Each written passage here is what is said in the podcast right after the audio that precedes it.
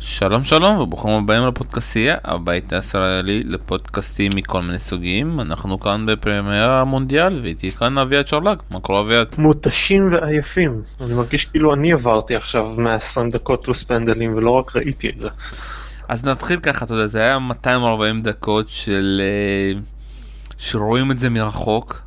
ואני רק פשוט רוצה לסגור לך, כאילו נראה לי שתי, בשני המשחקים סגרו פשוט שהם חייבים להכניס כל אחד שער, ואז ללכת לנוח עד שהפנדלים יגיעו. נתחיל, אתה יודע, עם ההדחה הכי מפתיעה שזה ספרד מול רוסיה, עם השיא המדהים שלהם, אתה יודע, אפשר להגיד, של היותר מאלף מסירות לרוחב, כמו שאבי מלר אמר, לרוחב לרוחב, ובסופו של דבר, אתה יודע, ההפסד הזה הוא כולו ירק, כולו ההתאחדות הספרדית, שהוציאה את הגרעין, אתה יודע, הכי חשוב מהנבחרת הזאת, ואמרה, הנבחרת יותר, המשחקי אגו יותר חשובים מהרצון של הנבחרת, כי אני מאמין אם לופגטי הקבוצה הייתה מגיעה יותר נכונה, הוא מאמן יותר טוב, עם יותר ניסיון ויודע איך להתמודד ומה לעשות, אתה יודע שהוא צריך בסופו של דבר להפקיע את הגול. אה, הניהול המשחק של יארו היה פשוט בושה, ובסופו של דבר, אתה יודע, הדקות הכי טובות של ספרד היו בסופו של דבר בסוף, שרודיגו נכנס ויאגו אספס נכנס, שהמשחק הפך להיות יותר מהיר ופחות כזה, אתה יודע, להעביר את הכדור עד שאתה יודע, מישהו יעשה טעות בהגנה הרוסית. ומצד שני, אתה יודע, אנחנו חייבים גם להגיד כל הכבוד אה, לנבחרת הרוסית שבאו ועשו מה שהם צריכים. וזה להביא, אתה יודע, בבית אה, לפנדלים את ספרד, ומאוד קשה, אתה יודע, בסופו של דבר, אה, להדיח נבחרות אה, מקומיות, במיוחד בפנדלים, ובמיוחד שבסופו של דבר קשה לי להגיד שנמצא שוער פנדלים טוב, מאשר שוער פנדלים רע.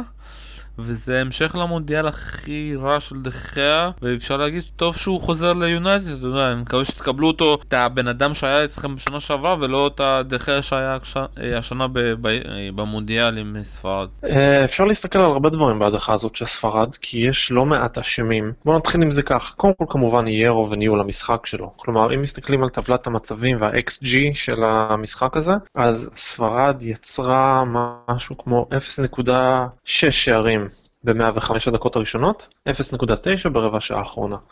מתי שהם התחילו לשחק עם שני אנשים בעומק, ולא עוד קשר ועוד מסירה ועוד קדימה ועוד אחורה. אז זה ירו, כמו שציינת. מהצד השני יש את השחקנים. כלומר, יש פה חבורה מאוד מאוד מאוד מאוד מנוסה. שחקנים שעברו, זה המונדיאל השלישי של חלק לא קטן מהם. אינייסטה, דוד סילבה, בוסקץ, הם שחקנים מאוד מאוד מנוסים. אם אתה מסתכל גם על חבר'ה אחרים, איסקו, אסנסיה, שחקנים שעברו כמה אליפויות אירופה, צ'מפיונס ליג מהכוונה הזאת, אתם קולטים שכל הנושא הזה של למסור קדימה, הצידה, אחורה, הצידה, הצידה, הצידה, לא עובד. תנסו לשחק קצת יותר לעומק, תנסו לבעוט, תנסו לעשות משהו אחר. בסופו של דבר יארו לא קשר אותם באימון ואמר להם, אתם מוסרים רק הצידה, מי שמוסר קדימה, נזרק מהרכב. הם לא עשו שום דבר. אני חושב כמובן ש... ההתאחדות גם בקטע הזה, כמובן עם הפיטורים של אה, לופטגי יום לפני התחרות. אבל שנייה, בואו קצת נדבר על כל העניין של המסירות, אני חושב שזה, אתה יודע, העניין של המסירות זה חוסר אימון. כי בסופו של דבר, אם תשים לב, אני לא זוכר מתי ספרד לא הניעה את הכדור בצורה כזאת. היא תמיד מניעה את הכדור ככה, אבל העניין שתמיד היא הצליחה למצוא את הבן אדם שהצליח להכניס את הגול ולא לספוג. איפה הבעיה? במונדיאל הזה במיוחד. היא ספגה שלוש מול פורטוגל. שנייה, היא ספגה שלושה שערים מול פורטוגל. ספגה פעמיים מול מרוקו. ובלי השער של אגו אספס, היא יכול להיות שהייתה גם מפסידה ופתאום פוגשת את אורוגוואי. אתה שם לב שההגנה שלה לא, אתה יודע, לא בסופו של דבר, לא בימים הגדולים שלה. אנחנו גם צריכים לזכור, זה פיקה וזה רמוס, אלבה שראינו שכבר היה גמור, נאצ'ו פתח היום ולא קל חבל, בטח בגלל שהוא, כנראה שהוא לא יכול לשחק מ-20 דקות, קל חבל, אז יכול להיות בגלל זה היה, ובסוף, אתה יודע, הוא נשאר בסוף. אבל יש כאן, אתה יודע, את ה basic, וככה הספרד תשחק את ה basic. השאלה מה אתה עושה, אתה יודע, עם החוד. ודייגו קוסטה כמעט ולא קיבל כדורים, אתה יודע, הוא, אני חושב שאם אנחנו נעשה בדיקה כל המשחקים אה, במונדיאל הזה, המצבים היחידים היה לו זה מול פורטוגל. אני לא זוכר הזדמנות שלו מול איראן, אולי אתה זוכר, ואני גם לא זוכר משהו שלו מול מרוקו.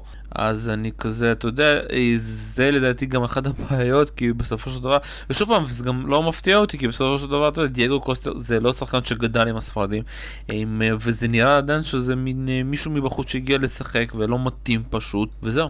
הם פשוט לא ריווחו את המשחק, זו הייתה הבעיה של אה, להביא את הכדור לדייגו קוסטה. כלומר, מי שאמור לתת את הריווח זה כביכול נאצ'ו וג'ורדי אלבה. עכשיו, ג'ורדי אלבה הוא מגן תוקף מעולה, אבל נאצ'ו לא, וזה אומר שכל צד ימין שלהם גמור. אין שום תרומה התקפית משם, שני נכון, הקיצוניים אבל... כביכול זה איסקו ואסנסיו, הם לא קיצוניים. אה, נכון, אבל תשים לב מה המטרה של המשחק בחלל הייתה, לעשות את הדאבל פאס. הם חיפשו את הדאבל פאס, מה שהצליח להם מול מרוקו.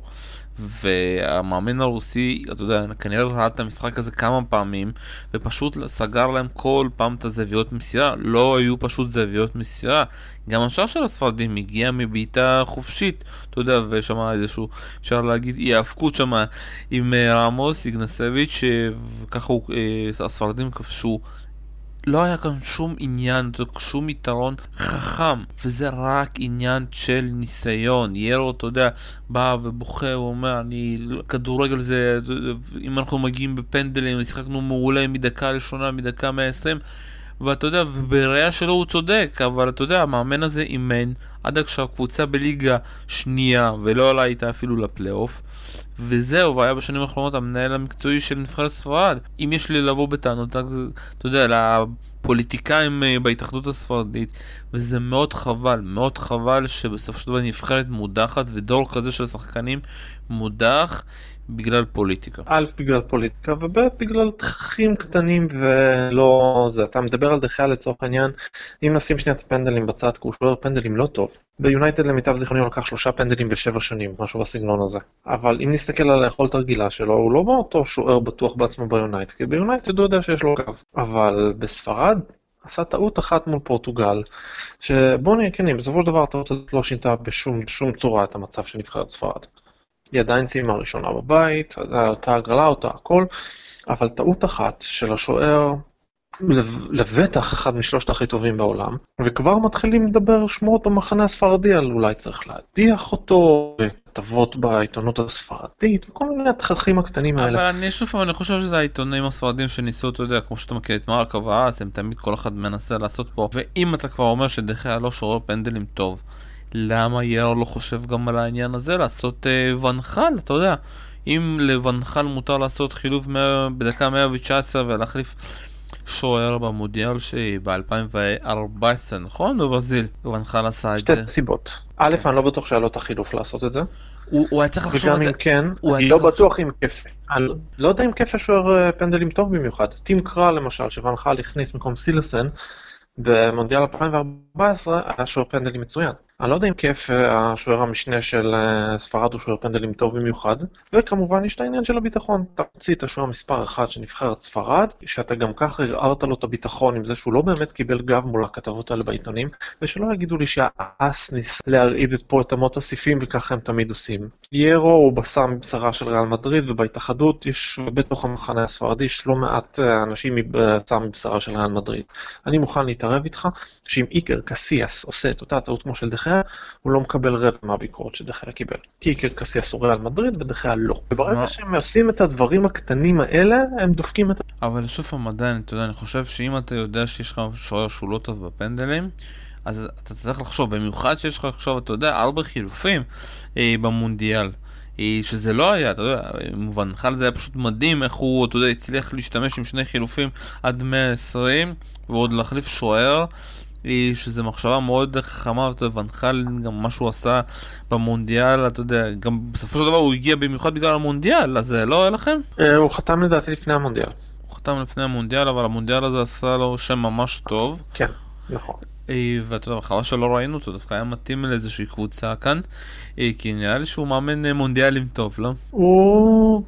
יכול להיות שכן, יכול להיות שלא, הוא, זה די נס קטן מה שהוא עשה עם הולנד, בסופו של דבר הוא שתלטן, פדנט ומאוד דקדקן. אני חושב שהיה לו קצת קשה לעשות עוד פעם את הקטע הזה של לאמן רק נבחרת, שהשליטה שלו היא קטנה יותר. הם מאמנים כאלה control freaks, בדרך כלל קשה עם נבחרות. יכול להיות, אבל מה שהוא עשה, אתה יודע, מול ספרד, עם הולנד, זה היה... הוא נכשל אגב פעם אחת בנבחרת הולנד לפני כן בעבר.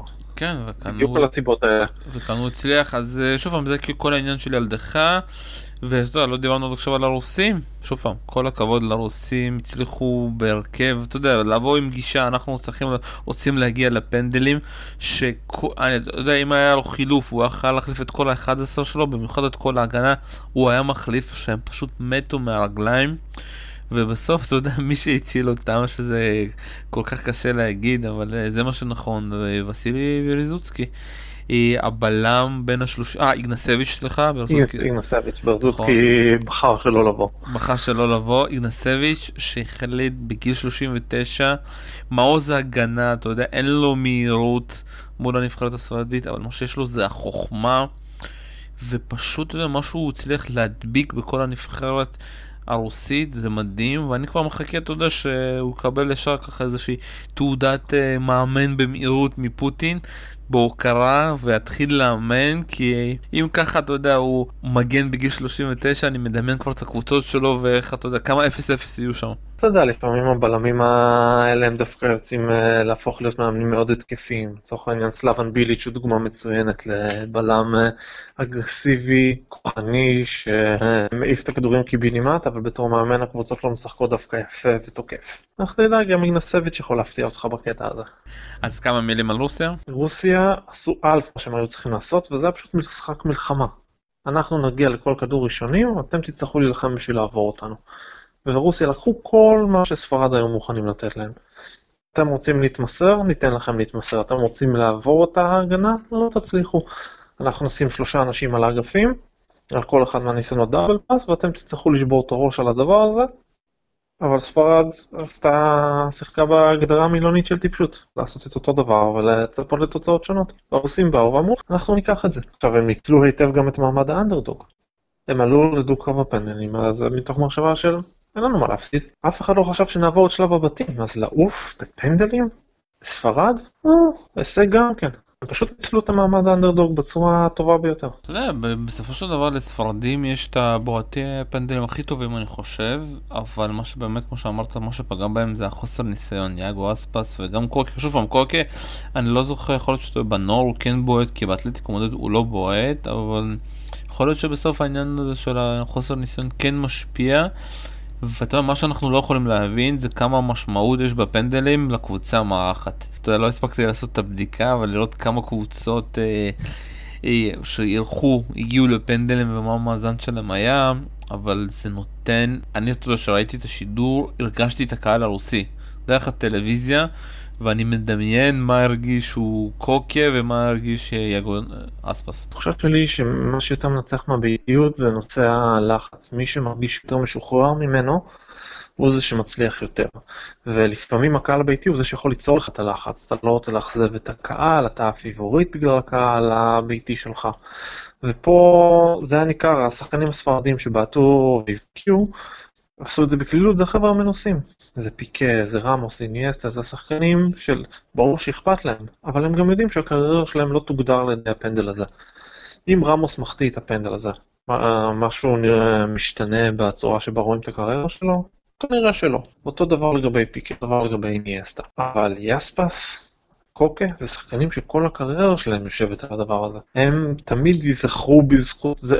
בזכות אלה שהחטיאו את הפנדל במונדיאל 2018, או לפחות ככה זה מרגיש. אתה חושב שבאמת הם, לי... אתה באמת חושב שהם באמת חשבו, וואו, אם אנחנו נחטיא, את המחשבות השליליות האלה באמת היו להם? לדעתי זה, זה יושב בראש. כלומר, לא ברמת האם אני אחטיא, אבל ברמת זה כל כך, מח... מה, מה יקרה, ברמה, לא איך יזכרו אותי, אבל מה יקרה אם אני? לא חושבים על המורשת ההיסטורית שלהם, אבל כן חושבים על הכתב. אתה יודע, שחקן כמו רמוס, מה יקרה אם אני אחטיא? כלום לא יקרה אם אני אחטיא, יאללה. בואו בוא נעשה את זה ואתה הרבה יותר שקט ורגוע. בגלל זה למשל אני מאוד מאוד מופתע שסרחי בוסקץ לא בעט. שלא, השאלה, אתה יודע, גם בברצלונה הוא לא בעט, אז אתה יודע, זה מאוד קשה, זה פתאום כל השחקנים האלה שצריכים לבעוט, כי יש לך בריאל רונלדו. גם לא בועט בברצלונה, כן. גם פיקל לא בועט בברצלונה, וגם רמוס לא בועט בריאל מדריד. נכון, כאילו, לא, רמוס גם, לא, רמוס אבל בעט בסביליה, והוא גם בועט חופשיות שם, אבל כל השחקנים שנמצאים בברצלונה וריאל, הם לא בועטים את הפנדלים, מסי, סוארז לוקח שם את הפנדלים. פנדלים, ובריאל רק שחקן אחד, רונלדו, אתה יודע. וזה מאוד מצחיק ככה מבחינת הפנדלים, ואתה יודע שאני מסתכל על הרוסים, איזה קור רוח, אבל מצד אחד איזה... תצוגה של שוער. שוב פעם, אני לא יודע, אפשר להגיד, אם לא משנה מי היה בועט מהרוסים, אתה רוצה להגיד לי שדחיה לא היה יוצא אף אחד, אף שום פנדל? לא, זה לא בצורה הזאת, אלא בקטע שלו היה מאוד מאוד, הפנדל הראשון, אני לא זוכר של מי זה היה, הוא הדף אותו פנימה, היה פנדל אחד שעבר סנטימטר ליד הרגל שלו, מטר אחד הצידה, או תגובה טיפה מאוחרת דווקא מבחינתו, בזינוק, והוא היה מציל את זה, ועוד כדור אחד שפשוט היה חד וחזק כלומר, שלושה כדורים של סנטימטר, ובכל אחד מהם מילימטר אפילו, ודחי היה גיבור ספרד עכשיו. גם הפנדלים הרוסים לא היו מושלמים, אבל הם היו לא רואים. כן, הפנדל הראשון של הרוסים היה סמולוב, ואתה יודע, גם אפשר להגיד, אה, חילופים של המאמן הרוסי, אתה יודע, על פי, הס... על פי הספר, אתה יודע, הוציא את כל העייפים כמה שיותר מהר, כדי שיהיה הרבה כוח, ובסוף את החילוף הרביעי ממש ככה, אחרי חמש דקות שאחרי התחילה, כל הרוסים פשוט לא עמדו. אפשר להגיד אה, על המגרש כבר, וגם סטטיסטיקה. פה משהו קטן בשבילך, אני אה, צריך עוד לוודא את הנתון הזה בשביל אה, לעמוד מאחוריו ב-100%, אבל לפי מה שהבנתי, החילוף הראשון של הרוסים היה ולדימיר גרנט, בתחילת המחצית השנייה. הוא שיחק, כלומר, מחצית שלמה ועוד הערכה, 75 דקות. אתה יודע כמה מסירות הוא השלים בזמן הזה? כן, שמעתי, הוא אחד או אפילו כלום. אפס. אפס, כן, שמעתי. שחקן ששיחק 75 דקות והשלים אפס מסירות. נכנס לא. בשביל לנקות וניקה. כן, אה, לא מפתיע אותי, כמו שאמרת, בא ובאמת. אה, בואו קצת נדבר על כל השחקנים הספרדים שכנראה מסיימים את ה... ופורשים, אינסטה כבר הודיע שהוא הולך לפרוש, אני מאמין שגם פיקה. אה, לדעתי פיקה הודיע מראש שזה המונדיאל האחרון שלו. כן, פיקה כבר הודיע שזה המונדיאל האחרון שלו. רמוס בן 32 כבר, אז אני מאמין שהוא עוד יישאר, אתה יודע, ככה לקראת היורו. והיורו אה, הולך להיות ה... אתה יודע, אפשר להגיד הפרישה שלו שמה, אה, ואני מסתכל ככה על עוד שחקנים שיכולים להודיע על פרישה כאן. בוסקץ. אה, בוסקץ ודוד סילבה, אתה יודע, או שהם שניהם יחליטו כן להישאר לקראת היורו. בוסקץ לדעתי יישאר כמעט בוודאות ליורו, דוד סילבה להערכתי יפרוש, ובינינו לא יפתיע אותי אם דחיה יפרוש. אתה קצת מגזים. דחיה הוא, הוא לא שוכח, זה הנקודה המרכזית לגביו, הוא לא שוכח. אתה זוכר את הסיפור לפני המונדיאל עם ראש ממשלת ספרד שהגיע לדבר איתם, מחאו לו כפיים ורק דחיה עמד שם בלי לזוז ולא מחא כפיים, לא כלום, בגלל שהוא זכר לו את ההאשמות שהוא הטיח אה, נגדו באופן פומבי לפני ארבע שנים. נבחרת ספרד לא נתנה גב לדחיה במונדיאל הזה. באופן פומבי כן, אבל הם נתנו את כל ההדלפות הקטנות לעיתונות, והם נתנו רוח גבית לעיתונות. אני לא אומר שהוא צריך לפרוש בגלל הדבר הזה, אני טוען שדוד דחיה הוא בן אדם שלא שוכח. וככה אתה יודע, אני מסתכל לך על הסגל של הספרדים, יש כאן דווקא כן שוער טוב שהוא דווקא שוער פנדלים טוב, וזה פפר ריינה. אבל בסוף אה, אתה יודע זה... אני לא בטוח שהוא כזה שוער פנדלים טוב, מי שעמד בפנדלים בליברפול ב-2005 לא היה פפריין. נכון זה היה דודק אבל הוא כן, אה, הוא לא, הוא עמד בשער ב-2007 אבל לא, לא הגענו שם לפנדל. לא הגיע לפנדלים. כן אבל אני חושב שהוא שוער טוב יותר מדחה וזה שוב אתה יודע, הדברים הקטנים של החוסר הניסיון ובגלל זה אתה יודע אני מאוד אה, מתפלא על המהלך של ונחל אז שזה היה פשוט מהלך ענק אתה יודע לחשוב על הדקויות. הטעויות הקטנות האלה, ואתה יודע, אחרי זה הוא עף מהפנדלים בגלל שלא נשאר לו חילוב וקליסן היה צריך לעמוד בשער. נכון, וזה גם עניין של זה המחיר שאתה משלם. כלומר, בסופו של דבר, כשיאספר סילסן הלך לדוקר בפנדלים האלה, הוא הלך מתוך ידיעה שהמאמן שלו לא תומך עליו. ואם דחה היה יוצא לטובת כפר או לטובת רינה, גם אם ספרד הייתה עולה, דחה היה עולה למשחק הבא עם תחושה שהמאמן שלו לא סומך עליו. לפעמים, אתה יודע, הניצחון בקרב שווה הפסד במלחמה, זה מסוג הדברים האלה. שוב, אני חושב שזה משהו שאתה צריך פשוט אה, לעשות, לעשות את ה... אני מאמין שלך לפני המשחק. אתה יודע, כבר באימונים, כבר לפני המונדיאל, להחליט שאם זה מגיע לפנדלים, הבן אדם הטוב עולה. אה, אבל יכול להיות ששוב יש כאן את העניין הרגשי וזה מאוד חשוב. טוב, צריך לקבל לדעת, תקבל את המחיר על הסיפור הזה ולאבד את האמון של דוד אחר או את הביטחון של שוער ברמה הזאת, זה מכה הרבה יותר גדולה לנבחרת מאשר לאבד את הביטחון של יאספר סילסן. טוב, בואו קצת נתקדם לעוד קרב פנדלים, אה, ואנחנו מדברים על קרואטיה, דנמרק, אני חשבתי שהקרואטים פשוט יבואו ויתפוצצו על הדנים, אבל מה שקיבלנו כאן זה נבחרת קרואטית שהגיעה מאוד עייפה. ושוב פעם, יש כאן איזשהו מאמן, אתה יודע, אפשר להגיד שהוא די...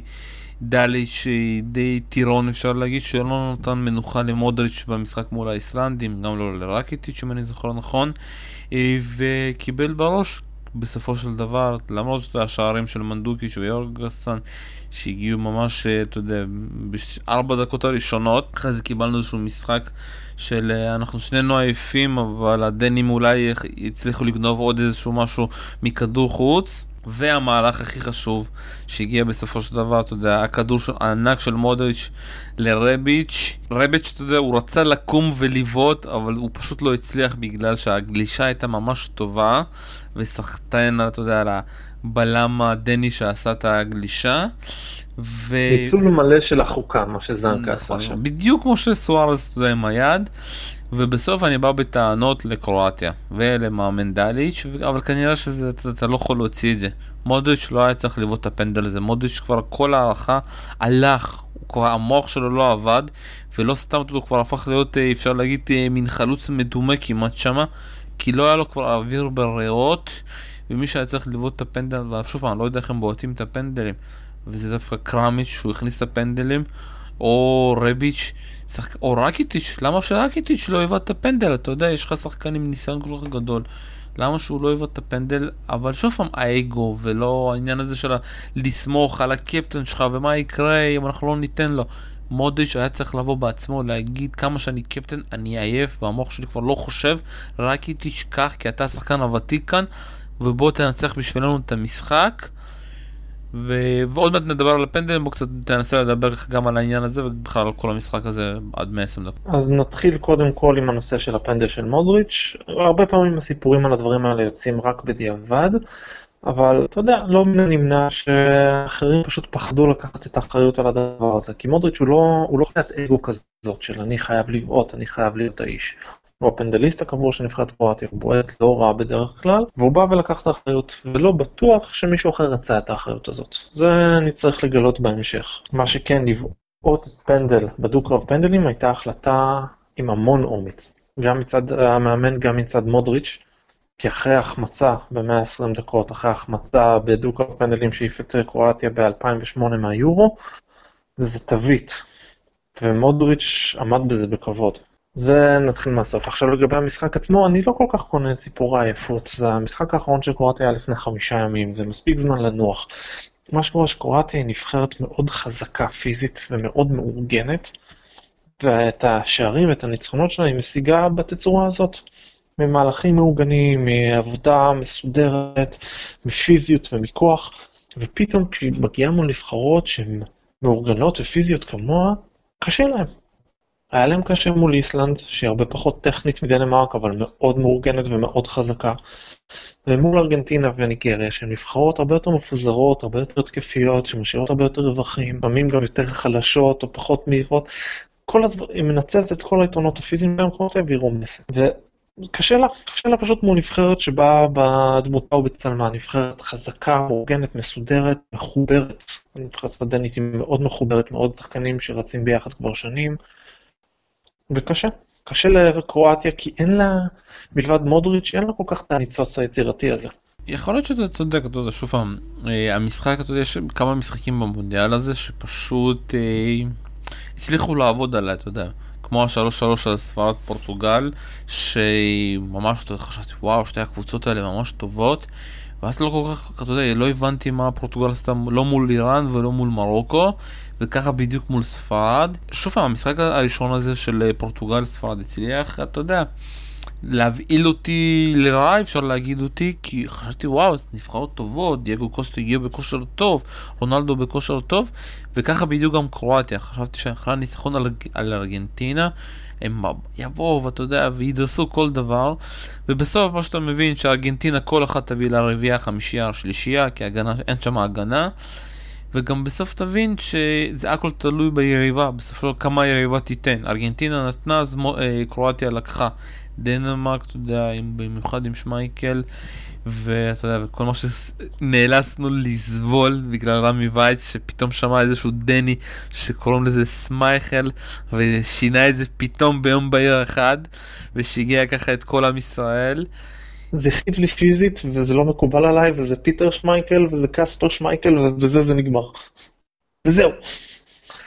בזה נסיים, אבל שוב פעם, אם אנחנו קצת ניגע בשידורים, אה, אני מאוד אוהב את מוטי וניר, ולפני שהוא עזב לפראג הוא היה אה, פרשן מעולה, אבל השנה הזאתי בהפועל תל אביב ובפראג קצת אה, הרסה, הרסה לו קצת את ההנאה מהמשחק, וחבל שוב פעם שרמי וייצי החליט לבחור בו, למרות שאתה יודע, עברה שנה והוא... שוב פעם, אתה רואה, יודע, את הניסיון של עמרי אפק, פרשן כל השנה, את אורי אוזן, שפרשן כל השנה.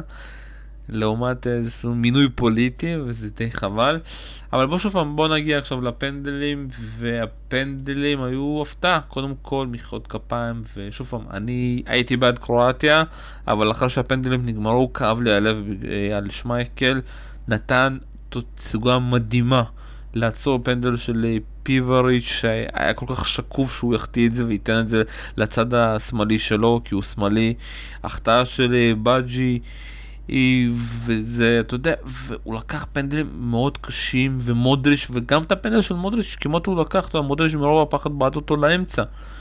אבל מצד שני, דווקא לוקאס שונה, שלא מחטיא, אפשר להגיד, אבל הלחץ על השחקן הזה, יורגסן גם עם החטאה די מוזרה, ואריקסון, אתה יודע, שלושה שחקנים שאני הייתי שם עליהם, אם אתה אומר לי לשים כסף, מי יחטיא מכאן? הייתי אומר אולי קרונדלי, קרייר. בסוף קאייר נותן לך את הפנדל הכי יפה כאן, ושלושה שחקנים הכי, אתה יודע, בטוחים של דנמרק מחטיאים ולא עומדים בלחץ.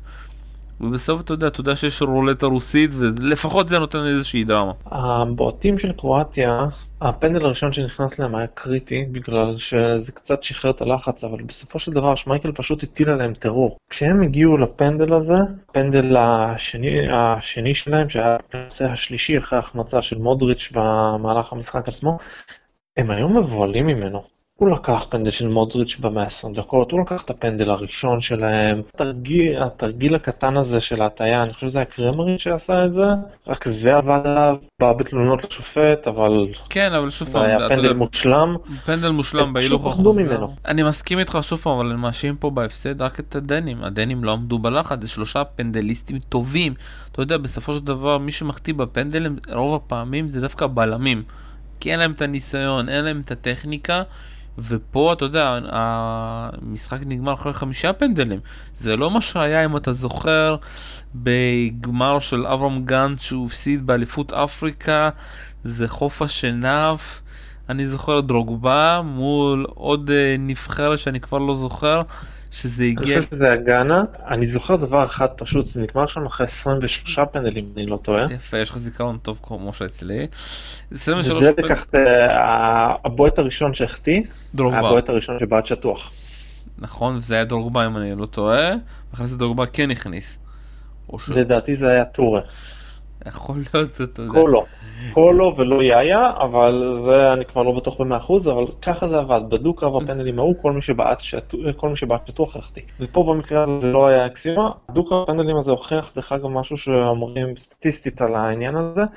הדרך הכי טובה לשוער, לפחות בתחילת הדרך, להדוף כמה שיותר פנדלים, זה לעמוד באמצע ולא לזוז.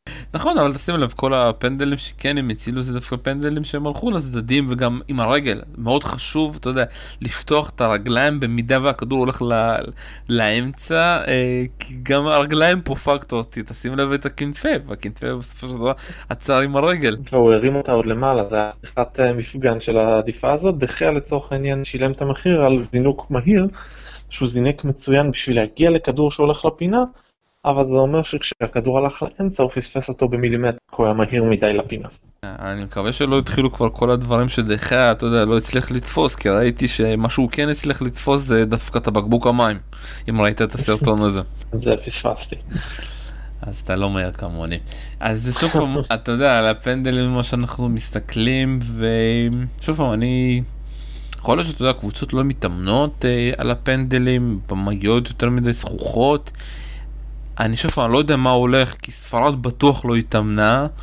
או שאתה יודע, בסופו של דבר אתה כן יכול להתאמן, אבל אף אחד לא יכול אה, להכין אותך ללחץ שיש על המגרש. ואתה גם לא יודע מי יהיה החמישה שיבעטו בסופו של דבר. כלומר, אני מניח שכשהספרדים הכינו לעצמם את רשימת הבועטים, הם לא בדיוק שיראו שדוד סילבה ודייגו קוסטה לא יהיו זמינים לקחת את הבעיטה. אני, שוב פעם, וזה, וזה גם העניין של יאללה, אתה יודע, להוציא את דייגו קוסטה, שאתה יודע שזה המצב אחד-אחד, אתה חייב עוד חלוץ. אתה לא צריך להוציא חלוץ. כי בסוף, אם החלוץ לא יודע לבעוט פנדלים, סבבה, אבל אין דבר כזה שחלוץ לא יודע לבעוט פנדלים. החילוף הזה כל כך פתאום משגע אותי, שאני לא מצליח להבין את ההיגיון של החילוף הזה. הבעיה בחילוף לא הייתה שהוציא דייגו קוסטה, למרות שקוסטה לא היה אשם בהיעדר הכדורים, הבעיה, הוא הכניס את אה, אספס כשנשארו עוד 40 דקות למשחק, זה לא היה צריך להיות בהכרח עם עין לפנדלים. הבעיה הייתה שדייגו קוסטה לא היה במשחק טוב, בעיקר בגלל שהוא היה רחוק מהכדור, בגלל שכל המשחק הספרדי התבסס על תנועה הצידה, מסירה הצידה, מסירה אחורה וכדומה. אז אתה מחליף את קוסטה ביאספס, אתה לא עושה בזה שום דבר, ובאמת החילוף הזה לא שינה שום דבר למשחק הספרדי.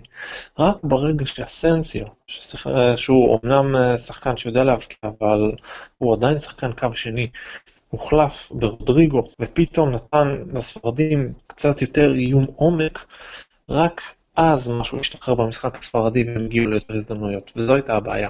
שהחילוף הזה של רודריגו במקום אסנסיו לא הגיע בדקה 85, אלא רק בדקה 105. טוב, אנחנו חייבים להגיע לזמן שאנחנו חייבים להתחיל להמר, וזה הדבר שאני הכי שונא. אני אמרתי, אתה יודע, איך שראינו את העניין של השמינית גמר, שקרואטיה תלך רחוק, לא משנה אם זה תהיה מול רוסיה, מול ספרד, הם הנבחרת העדיפה, במיוחד עכשיו שזה רוסיה, והשאלה אצל הקרואטים זה רק איך המאמן מצליח לקחת אה, את העניין של ה-120 דקות שהשחקנים שלו עברו ולהביא אותם מוכנים.